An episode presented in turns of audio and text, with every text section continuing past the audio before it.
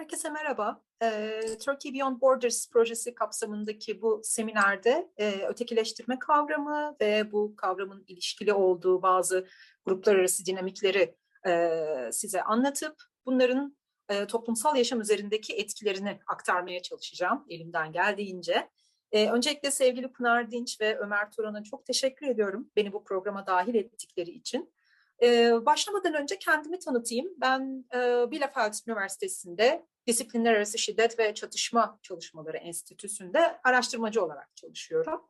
Ee, şimdilerde Almanya'da yaşayan göçmenlerin kimlik dinamikleriyle e, ulus ötesi politik söylemler arasındaki ilişki e, üzerine çalışıyorum. Ama e, doktora esnasındaki e, araştırma konum Türkiye'de gençlerin ötekileştirme dinamikleriydi. Ötekileştirmeyi anlamaya çalışmıştım.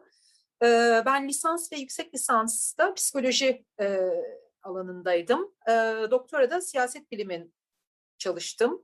E, orada tamamladım doktoramı. Bu yüzden kendimi daha ziyade bu iki disiplinin arasında bir yerde bir politik psikoloji araştırmacısı olarak tanımlamayı tercih ediyorum açıkçası. E, bu seminerin temelini oluşturan öteki kavramı ve ötekileştirme sürecini de ilk olarak Bilgi Üniversitesi'nde e, doktora çalışmam esnasında sevgili e, danışmanım Pınar Uyan Semerci ile birlikte çalışmaya başladık ve e, onun mentörlüğünde bu kavramı özellikle kültürel çeşitlilik, bir arada yaşama, bir arada var olma perspektifleriyle anlamaya çalıştım. E, sonrasında yine Bilgi Üniversitesi'nde Pınar Hoca ve e, Emre Erdoğan'la birlikte Türkiye'de yaşayan gençlerin ötekileştirme ve ötekileştirmeme e, dinamiklerini anlamak için farklı alanlardan gelen e, araştırmacılarla e, gerçekleştirilen bir projenin içerisinde yer, aldım. Esasında kendi doktora çalışmamda kullandığım ötekileştirme çerçevesi bu projede ortaya konan ötekileştirme kavramsallaşmasından, kavramsallaştırmasından hareketle oluşturulmuş bir şey. Ben size bu seminerin ilk kısmında ötekileştirmeyi ortaya çıkaran grup dinamiklerinden bahsedeceğim. E, ikinci kısımda da e, ötekileştirmenin hangi aşamalardan oluştuğunu ve toplumsal etkilerini e, anlatmaya çalışacağım. E, benim öteki kavramı konusunda e, ki çalışma isteğimin ardında e, böyle basit birkaç tane soru vardı.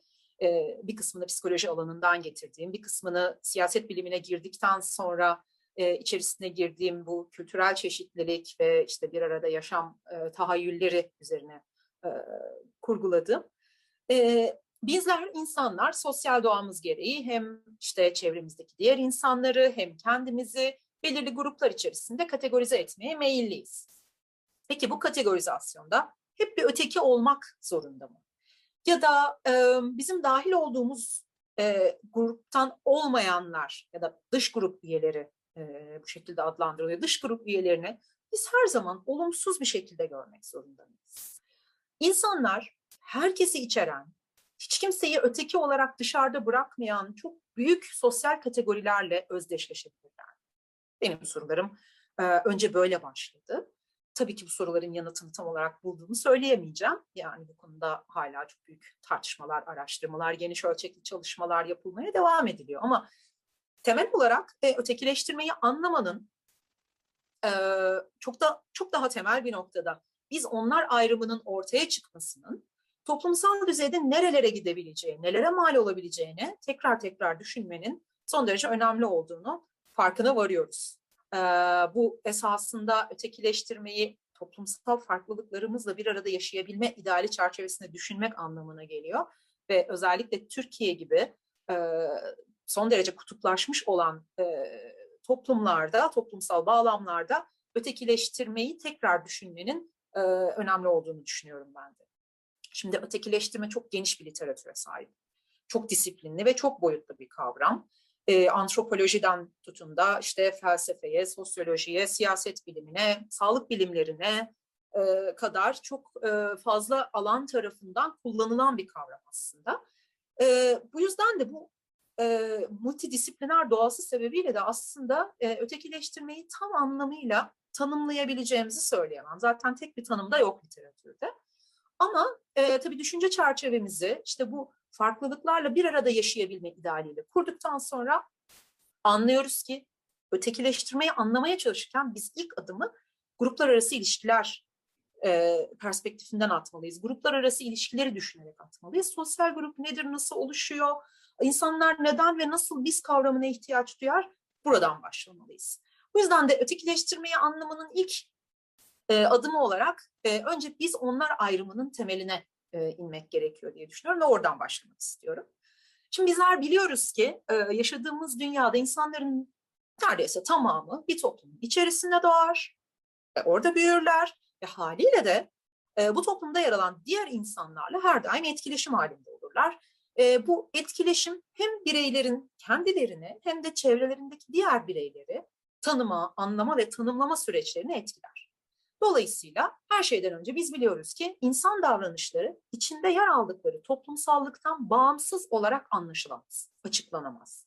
İşte üzerine konuşacağımız bu biz onlar ayrımı da esasında son derece doğal, insanların kendilerini çevreleyen dünyayı anlamalarını sağlayabilecek son derece temel bir eğilim olsa da her zaman toplumsal bağlamın içerisinde oluşur ve etkileri de ancak ve ancak bu bağlam içerisinde okunabilir. Şimdi bunu aklımızda tutarak, bu toplumsallığı aklımızda tutarak insanlar için biz onlar ayrımının nasıl gerçekleştiğinden ve neden önemli olduğundan bahsedebiliriz. Ee, sosyal bir dünyanın içine doğan insanlar olarak biz hayatımıza devam edebilmek için, dünyayı anlayabilmek için çevremizde yer alan nesneleri, canlıları, olayları, olguları benzerlikler ve farklılıklar doğrultusunda kategorize ediyoruz. Gruplara ayırıyoruz yani. Bu e, benzerlik ve farklılık konusu aynı zamanda bizim için önemli bir psikolojik ihtiyacın da giderilmesini sağlıyor. Nedir bu ihtiyaç? Ait olma ve ayrıştırma. Ait olma ve ayrışma ihtiyacı. E, çok bilindik, e, önemli bir sosyal psikolog olan Merlin Brewer, e, bireylerin böyle büyük sosyal grupların parçası olmaları durumunu onların sosyal dünyada hayatta kalabilmeleri için son derece önemli olduğunu söylüyor. Bu yüzden bir ihtiyaç olduğunu söylüyor. Ama bunun yani büyük sosyal grupların, büyük sosyal kategorilerin parçası olmak aynı zamanda kişinin kendi özgünlüğünün ortadan kalkması anlamına gelmiyor. Yani aslında biz e, bir gruba ait olma ihtiyacı ve kendimizi başkalarından ayrıştırma ihtiyacını dengede tutarak sosyal yaşamlarımıza devam ediyoruz. E, çok böyle kabaca baktığımız zaman sosyal psikologların insanların tutumlarını, davranışlarını, işte inançlarını çalışırken bunları farklı düzeylerde çalıştıklarını görüyoruz. Bireysel düzeyde ve sosyal düzeyde, toplumsal düzeyde çalışıyorlar. Bireysel düzeyde kişilerin kendilerini diğerlerinden ayrıştırarak tanımladıkları benlikten bahsediyoruz. Sosyal düzeyde de parçası oldukları, ait oldukları ya da parçası oldukları gruplardaki konumlarına atıfla kimlikten bahsediyoruz. Benlik ve kimlik. Bu mesele, bu benlik ve kimlik meselesi tabii ki çok tartışılan bir mesele. Zira e, az evvel de söylediğim gibi e, toplumsallıktan tamamen soyutlanmış, içinde bulunduğu işte sosyal bağlamdan tamamen koparılmış bir benlik kurgusundan bahsetmemiz aslında pek de mümkün değil. E, bu benlik ve kimlik arasındaki ilişkiyi kişilerin parçası oldukları sosyal grupların onların tutum ve davranışlarını nasıl etkileyeceği sorusu ile böyle 1970'li yıllarda çok kapsamlı bir şekilde çalışan bir kuram var. sosyal kimlik kuramı. ve bu kurama göre sosyal kimlik kişilerin parçası oldukları, kişilerin kendilerine parçası oldukları gruplar üzerinden tanımlamasıyla oluşuyor. Sosyal kimlik kişileri diğerlerinden ayrıştıran ben kimliğinin yani kişisel kimlikleri onları e, başka kişilerle aynı çatının altında toplayan biz dinamiğine dönüştürüyor. Dolayısıyla biz onlar ayrımında bahsettiğimiz biz aslında bizim sosyal kimliklerimize işaret ediyor. Peki ne işe yarıyor bu sosyal kimlikler? Ee, sosyal kimlikler bizi doğduğumuz sosyal dünyanın içerisinde bir yerde konumlandırıyor. Yerimizi belli ediyor ve e, bizim kendimizi çevreleyen dünyayı daha tahmin edilebilir ve daha açık bir şekilde anlamamızı sağlıyor.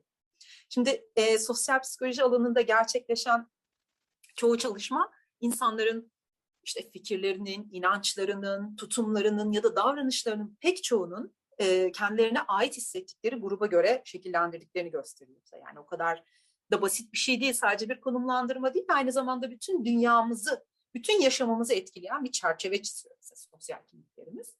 E, bu noktada parçası olduğumuz grupların bizleri dünyada belli bir yere konumlandırma işlevi taraftan da işte böyle çevremizi değerlendirebilmek adına bir referans noktası oluşturmamızı sağlıyor. Yani neyin iyi, neyin kötü, neyin doğru, neyin yanlış olduğuna dair inançların oluşmasında parçası olduğumuz grupların normlarının etkisi son derece büyük. İşte tam da bu noktada sosyal kimliklerle ilgili çok önemli bir bulguyu da e, hatırlatmak gerekiyor. E, sosyal kimlik kuramının geliştiricileri kişilerin kendi sosyal kimliklerini hep olumlu biçimde algılama ve bu şekilde kalıcı hale getirme eğiliminde olduklarını e, belirtiyorlar. Bu yüzden de e, kişiler e, parçası oldukları sosyal grupları diğerlerinden yani parçası olmadıkları sosyal gruplardan yani dış gruplardan olumlu bir şekilde ayrıştırmaya meyilliler. E, bizlerin sosyal kimlikleri ve kişisel kimlikleri artık birbirinin içerisine geçmiş olduğu için bunları ayırmak çok kolay değil. Çünkü bizler kendimizi mensup olduğumuz sosyal kimlikler üzerinden değerlendiriyoruz. Ve bu bizim kişisel olarak öz değerimizi belirlemek adına son derece önemli bir yöntem haline geliyor. Bu yüzden de olumlu görmeye çalışıyoruz.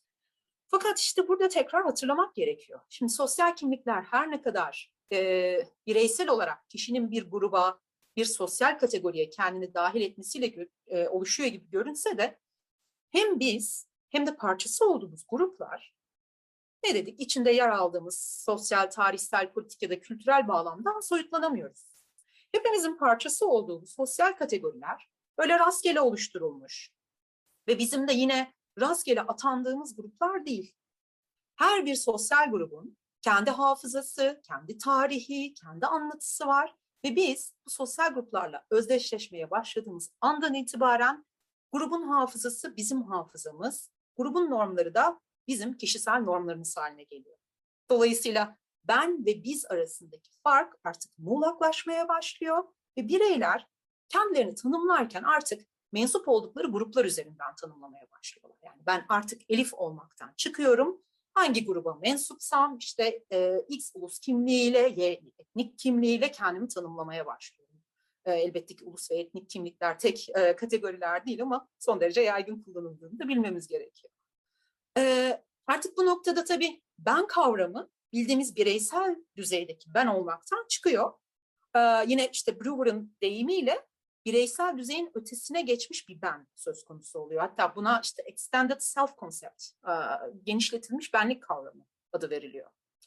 Şimdi az evvel bu ait olma ve ayrıştırma süreçlerinden bahsetmiştim. Yani aslında benzerlik ve farklılık üzerine kurulmuş olan sosyal kategorizasyon sürecinin içerisinde yer alan dinamikler bunlar. Bu sosyal kimliğin inşa edilmesi bir veya birden fazla sosyal grupla özdeşleşmek bir ait olma süreci olduğu kadar bir ayrıştırma süreci aynı zamanda. Çünkü e, sosyal grubumuz üzerinden kendimizi tanımlayıp değerlendirdiğimiz ben kimim ya da biz kimiz sorularının cevapları esasında aynı zamanda biz kim değiliz sorusunun da cevabını veriyor bize. Parçası olmadığımız gruplar yani dış gruplar biz kavramının sınırlarını yani bizim nerede bittiğini gösteriyor. İşte tam da bu yüzden bizi kurabilmek için, bizi tanımlayabilmek için mutlaka dış gruplara, diğerlerine ihtiyacımız oluyor. Şimdi bu e, dış gruplara dikkatimizi yöneltmeden ve nasıl oluyor da bu dış gruplar öteki halini alıyor diye düşünmeye başlamadan önce akılda tutmamız gereken birkaç nokta daha var. E, şimdi öncelikle biz kendi kişisel yaşamlarımızdan biliyoruz ki insanlar hayatları boyunca birden fazla sosyal grubun parçası oluyorlar. Bu gruplarla özdeşleşme hali de öyle her zaman aynı şiddette, aynı düzeyde ya da aynı biçimde olmayabiliyor. İşte bazı grup üyelik, üyeliklerimiz diğerlerinden daha baskın. Bazıları yalnızca belirli bağlamlarda ortaya çıkıyor. Bazıları zaman içerisinde böyle azalan, sönen bağlardan ibaret olabiliyor. Ee, burada sürekli vurguladığımız işte grupları ve grup üyeliklerini işte sosyal, toplumsal, tarihsel bağlamların içerisinde görmenin öneminin yanı sıra kimliklerin de değişken, akışkan, sabit kalmayan dinamikler olduğunu aklımızda tutmamız çok önemli. Kimlikleri tanımlamak, işte içeriklerini, zaman içerisindeki hareketlerini net şekilde gözlemlemek araştırmacılar açısından örneğin hiç kolay değil e, bu akışkanlık sebebiyle. Fakat burada başka önemli bir nokta var. E, kimliklerin bu akışkan doğasına rağmen kimliğin taşıyıcısı kimliğin aktörü e, o kimliği hep sanki sabit bir şeymiş gibi algılama eğiliminde. Sabit, kalıcı. Hatta kimi zaman özellikle e, ulus kimliklerde görüldüğü gibi kişileri geçmiş, şimdi ve gelecek bağlantısının içerisinde yer almalarını sağlayan yapılar kimlikler. E, dolayısıyla da böyle zaman içerisinde donmuş, tek biçimle biçimi e, tek biçimde tanımlanabilen yapılar gibi geliyor kimliğin taşıyıcısı olan kişiye. E, tabii bu sabit biçimde algılanan sosyal kimliklerin e, inşa edilmesi e, yalnızca böyle bireylerin onları içselleştirmesiyle oluşan bir şey değil. Aynı zamanda e, başkaları tarafından da bu kimliğin tanınması gerekiyor. Yani kişinin kendini tam olarak bir kategorinin parçası biçiminde görebilmesi, aynı zamanda çevresindekilerin de onu bu kategorinin parçası olarak tanımasını gerektiriyor. Şimdi tüm bu süreçler bize gösteriyor ki sosyal kimlik inşası esasında bir gruplar arası sınır inşası. Çünkü dediğim gibi bizim, ner, bizim nerede başlayıp nerede bittiğini gösteren bir süreç bu. Bizim kim olduğunu ve kim olmadığını gösteren bir süreç. Ve bu noktada şu soruyu sorabilirsiniz. Eğer işte bizler parçası olduğumuz sosyal grupları hep olumlu biçimde diğerlerinden ayrıştırıyorsak, o zaman hani bu sosyal kimlik inşası dediğimiz şey aynı zamanda otomatikman diğer grupların olumsuz olarak değerlendirilmesi süreci mi oluyor? Yani sosyal kimliği olan herkes kendinden olmayanı olumsuz biçimde mi algılıyor? Ee, ya, ya da işte bizim ait olma ve ayrışma ihtiyaçlarımızla kendi kimliğimizi sürekli işte olumlu görme eğilimimiz kaçınılmaz olarak diğerlerini kötülememiz anlamına geliyor. Ee, bu soru e, esasında farklı grupların böyle birbirleriyle ilişkilerine özellikle de çatışmalarına odaklanan çalışmaların temel sorularından bir tanesi. Ee, toplumsal yaşam içinde işte ulus kimlik, cinsel kimlik, etnik kimlik, politik parti kimliği, dinsel kimlik gibi farklı biz kategorilerinin içerisinde yer alan herkes bu kategorilerin dışında olanları düşman olarak mı görüyor? Ya bu doğal bir eğilim mi? Tabii ki hayır. Doğal bir eğilim değil. E, kimlik inşası bireyler için e, diğer insanların arasında kendi konumlarını belirlemek açısından evet kaçınılmaz bir yol ama bu kendinden olmayanları otomatikman olumsuz görmesine sebep olmak zorunda değil. Madem öyle o zaman nedir bu ötekileştirme? Neden biz işte e, bir kimlik inşa sürecinin çıktısı olarak ötekileştirmeyi ya da onun farklı tezahürlerini işte ön yargıyı yani kişinin bir başkasını sadece mensup olduğu grup dolayısıyla olumsuz değerlendirmesi durumunu ön yargı, olumsuz kalıp yargılar, dışlama, ayrımcılık, sonra bu dinamiklerden beslenen homofobi, ırkçılık, cinsiyetçilik, antisemitizm, İslamofobi ve benzeri birçok tutum ve davranış niye bizim parçası olduğumuz topluluklarda sıklıkla karşımıza çıkıyor? Şimdi ötekileştirmeyi tanımlarken ötekinin kim olduğu üzerine düşünmemiz önemli. Yani ötekinin kimliğinin ne olduğu üzerine değil de ne zaman bizden farklı olanların öteki olabildiklerini düşünmek gerekiyor. E, bu e, Bizliğin Aynasından Yansıyanlar kitabıyla paylaştığımız e, referansı bu videonun altında var. E, bu kitapla paylaştığımız ötekileştirme projesinde biz diğeri ve öteki kelimelerini ayrı biçimlerde tanımlayarak o az önce bahsettiğim işte her dış grup üyesi öteki midir sorusuna cevaben kendi çerçevemizi çizmiştik. Bu kimlik inşası ait olma ve ayrıştırma üzerine biz ve diğerlerini, iç grup ve dış grup dinamiklerini yaratır. Şimdi dış grup üyeleri diğerleridir. Biz olmayanlardır. Ancak bunların arasında bazıları öyle farklılaşır ki bizim e, dahil olduğumuz sosyal kategorilerden e, o kadar dışarı çıkar, o kadar farklı bir şekilde değerlendirilir ki artık onları biz ile aynı veya biz ile ortak olabilecek herhangi bir çerçeveye almak imkansızlaşır. İşte öteki bu bizden olumsuz bir şekilde farklılaştırılarak ya da ayrıştırılarak bizim da bizim dahil olduğu tüm e, hak, eşitlik, adalet, tüm normatif çerçevelerden dışarı çıkarılan diğerleri, dış grup üyeleridir. Ötekileştirme e, bizi tanımlayarak, bizim sınırlarını çizerek başlayan ve ötekinin işte çeşitli biçimlerde dışlanıp toplumsal alandan uzaklaştırılmasını içeren bir sürecin ismidir aslında. Başlangıç noktasında biz onlar ayrımı vardır. Ee, ama e, ötekileştirme bu ayrımın ötesine geçen bir süreçtir ve öteki kavramı farklı disiplinler içinde çokça kullanıldığı için ötekileştirme de böyle çok farklı biçimlerde tanımlanan, kapsamı çok geniş alınan bir süreç haline gelmiştir ama e, temel olarak benim e, kendi doktora çalışmamda üzerinde durduğum böyle bir şeydi. Yani ötekileştirme biz onlar ayrımı değildir. Biz onlar ayrımının kesinlikle daha ötesinde masumlaştırılmaması gereken bir sürecin adıdır. Konuyla ilgili literatürde e, işte ötekileştirmeyi böyle direkt biz onlar ayrımı diye tanımlayan, e, işte bunun insanın sosyalleşmesi sürecinde çok böyle doğal, kaçınılmaz bir mekanizma olduğunu belirten pek çok çalışmada var tabii ki ve e, bu çalışmalar işte ötekileştirme gruplar arası ilişkilerin kaçınılmaz bir sonucudur diye görüyor. E, ve pek çoğu da tanımını yaparken ötekileştirmenin bunun bir tutum veya davranıştan ziyade söylem düzeyinde olduğunu belirtiyor. Yani söylemsel olarak böyle bir şeyin olduğunu belirtiyor. Bunun tutum ve davranışa dönüş, dönüşmediğine dair ampirik çalışmalar aslında çok da fazla değil.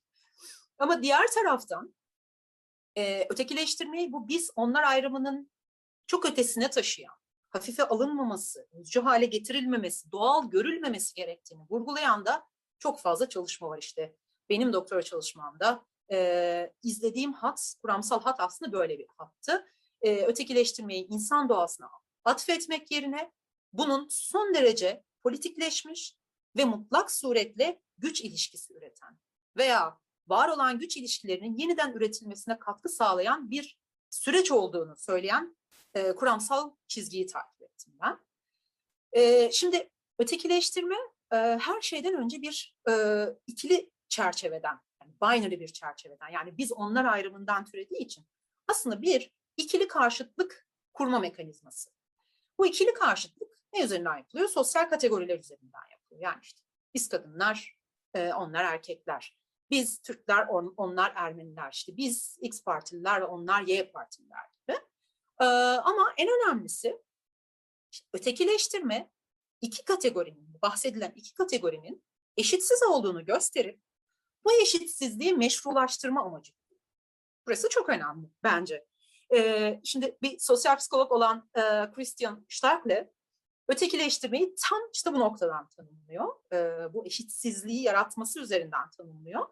Ve diyor ki bireyler içinde yaşadıkları e, sosyal düzen içinde, bireylerin içinde yaşadıkları sosyal düzen e, belli kaynakların, hatta hakların eşitsiz bir şekilde dağıtıldığı bir düzendir. Ve insanlar bu eşitsizliği meşrulaştırabilmek adına, çünkü bizler bireyler olarak hep e, yaşadığımız düzeni meşrulaştırma eğilimi de taşıyoruz. Bunu meşrulaştırmak adına ötekileştirmeyi kullanırlar ve um, bu yolla mevcut düzen için tehdit arz eden kişiler olumsuz bir şekilde ayrıştırılmış olur. Dolayısıyla ötekileştirmeyi düzenin konsolide edilmesi ve içerisine yerleşmiş olan eşitsiz ilişkilerin devamının sağlanması amacıyla kullanıldığını söyleyebiliriz. Benzer şekilde başka çalışmalar, ne işte ötekileştirmenin eşitsizlik üretici bir süreç olduğunu, hali hazırda var olan e, asimetrik güç ilişkilerini derinleştirdiğini, dolayısıyla her şeyden önce bunun bir hiyerarşi kurma süreci olduğunu belirtiyorlar. Peki bu biz onlar ayrımı üzerinden bu hiyerarşi nasıl kuruluyor ötekileştirme vasıtasıyla? Ee, öncelikle kimlik inşa süreçleri ve ötekileştirmenin ilişkilendiği noktaya bakmamız gerekiyor. Ee, sosyal kimlik inşasının aslında işte bir sınır inşası olduğunu, bizi diğerlerinden ayıran sınırın e, oluşturulduğunu söylemiştim. Ayrıca sosyal kimlik kuramına göre e, insanların kimliklerini hep olumlu görme ve bu şekilde kalıcı hale getirme eğilimleri de var. İşte ötekileştirmenin eşitsizliği meşrulaştırması tam bu noktada başlıyor. Çünkü buna yönelik ilk adım bizi hiyerarşinin üst katmanına yerleştirerek atılıyor. Çünkü e, dünyayı kendi sosyal grubumuzun belirlemiş olduğu çerçeveyle görmeye başladıktan sonra grup normlarının, grup değerlerinin ya da inançların doğrultusunda bazı dış gruplar, hepsi değil ama bazı dış gruplar olumsuz olarak ayrıştırılmaya başlanıyor. Bunda en önemli faktörlerden bir tanesi kişilerin kendi sosyal gruplarını daha üstün olarak görmeleri. Şimdi burada bir e, noktayı belirtmem gerekiyor. E, zira bu e, bahsettiğim üstün olarak görme hali basit bir kendi grubunu olumlu ayrıştırma mekanizması değil. Burada dünyayı kendi grubunun normlarıyla yorumlayan ve grubu değer olarak diğerlerinin üzerinde konumlayan bir anlayıştan bahsediyoruz. Yani hem grubu ile yüksek derecede özdeşleşmiş hem de grubunu yücelten bir bizlik tanımlamasından bahsediyoruz burada. Şimdi ben kendi çalışmamda kişilerin işte mensup oldukları grupları tanımlamalarıyla ötekini kurgulayıp onu dışlamaları sürecinin nasıl ilişkilendiğine odaklandım. Ee, şimdi bu seminerin ikinci kısmında size e, işte bu bireylerin kendi gruplarını tanımlamak için kullandıkları hiyerarşik anlatılardan bahsedeceğim. Ve e, ötekileştirmenin bunlarla ilişkili olarak nasıl ortaya çıkıp nasıl ilişkilendiğini e, anlamaya çalışacağız ve her şeyden önemlisi toplumsal ilişkiler içerisinde bunun ne anlama geldiğini görmeye çalışacağız. E, ikinci kısımda görüşmek üzere.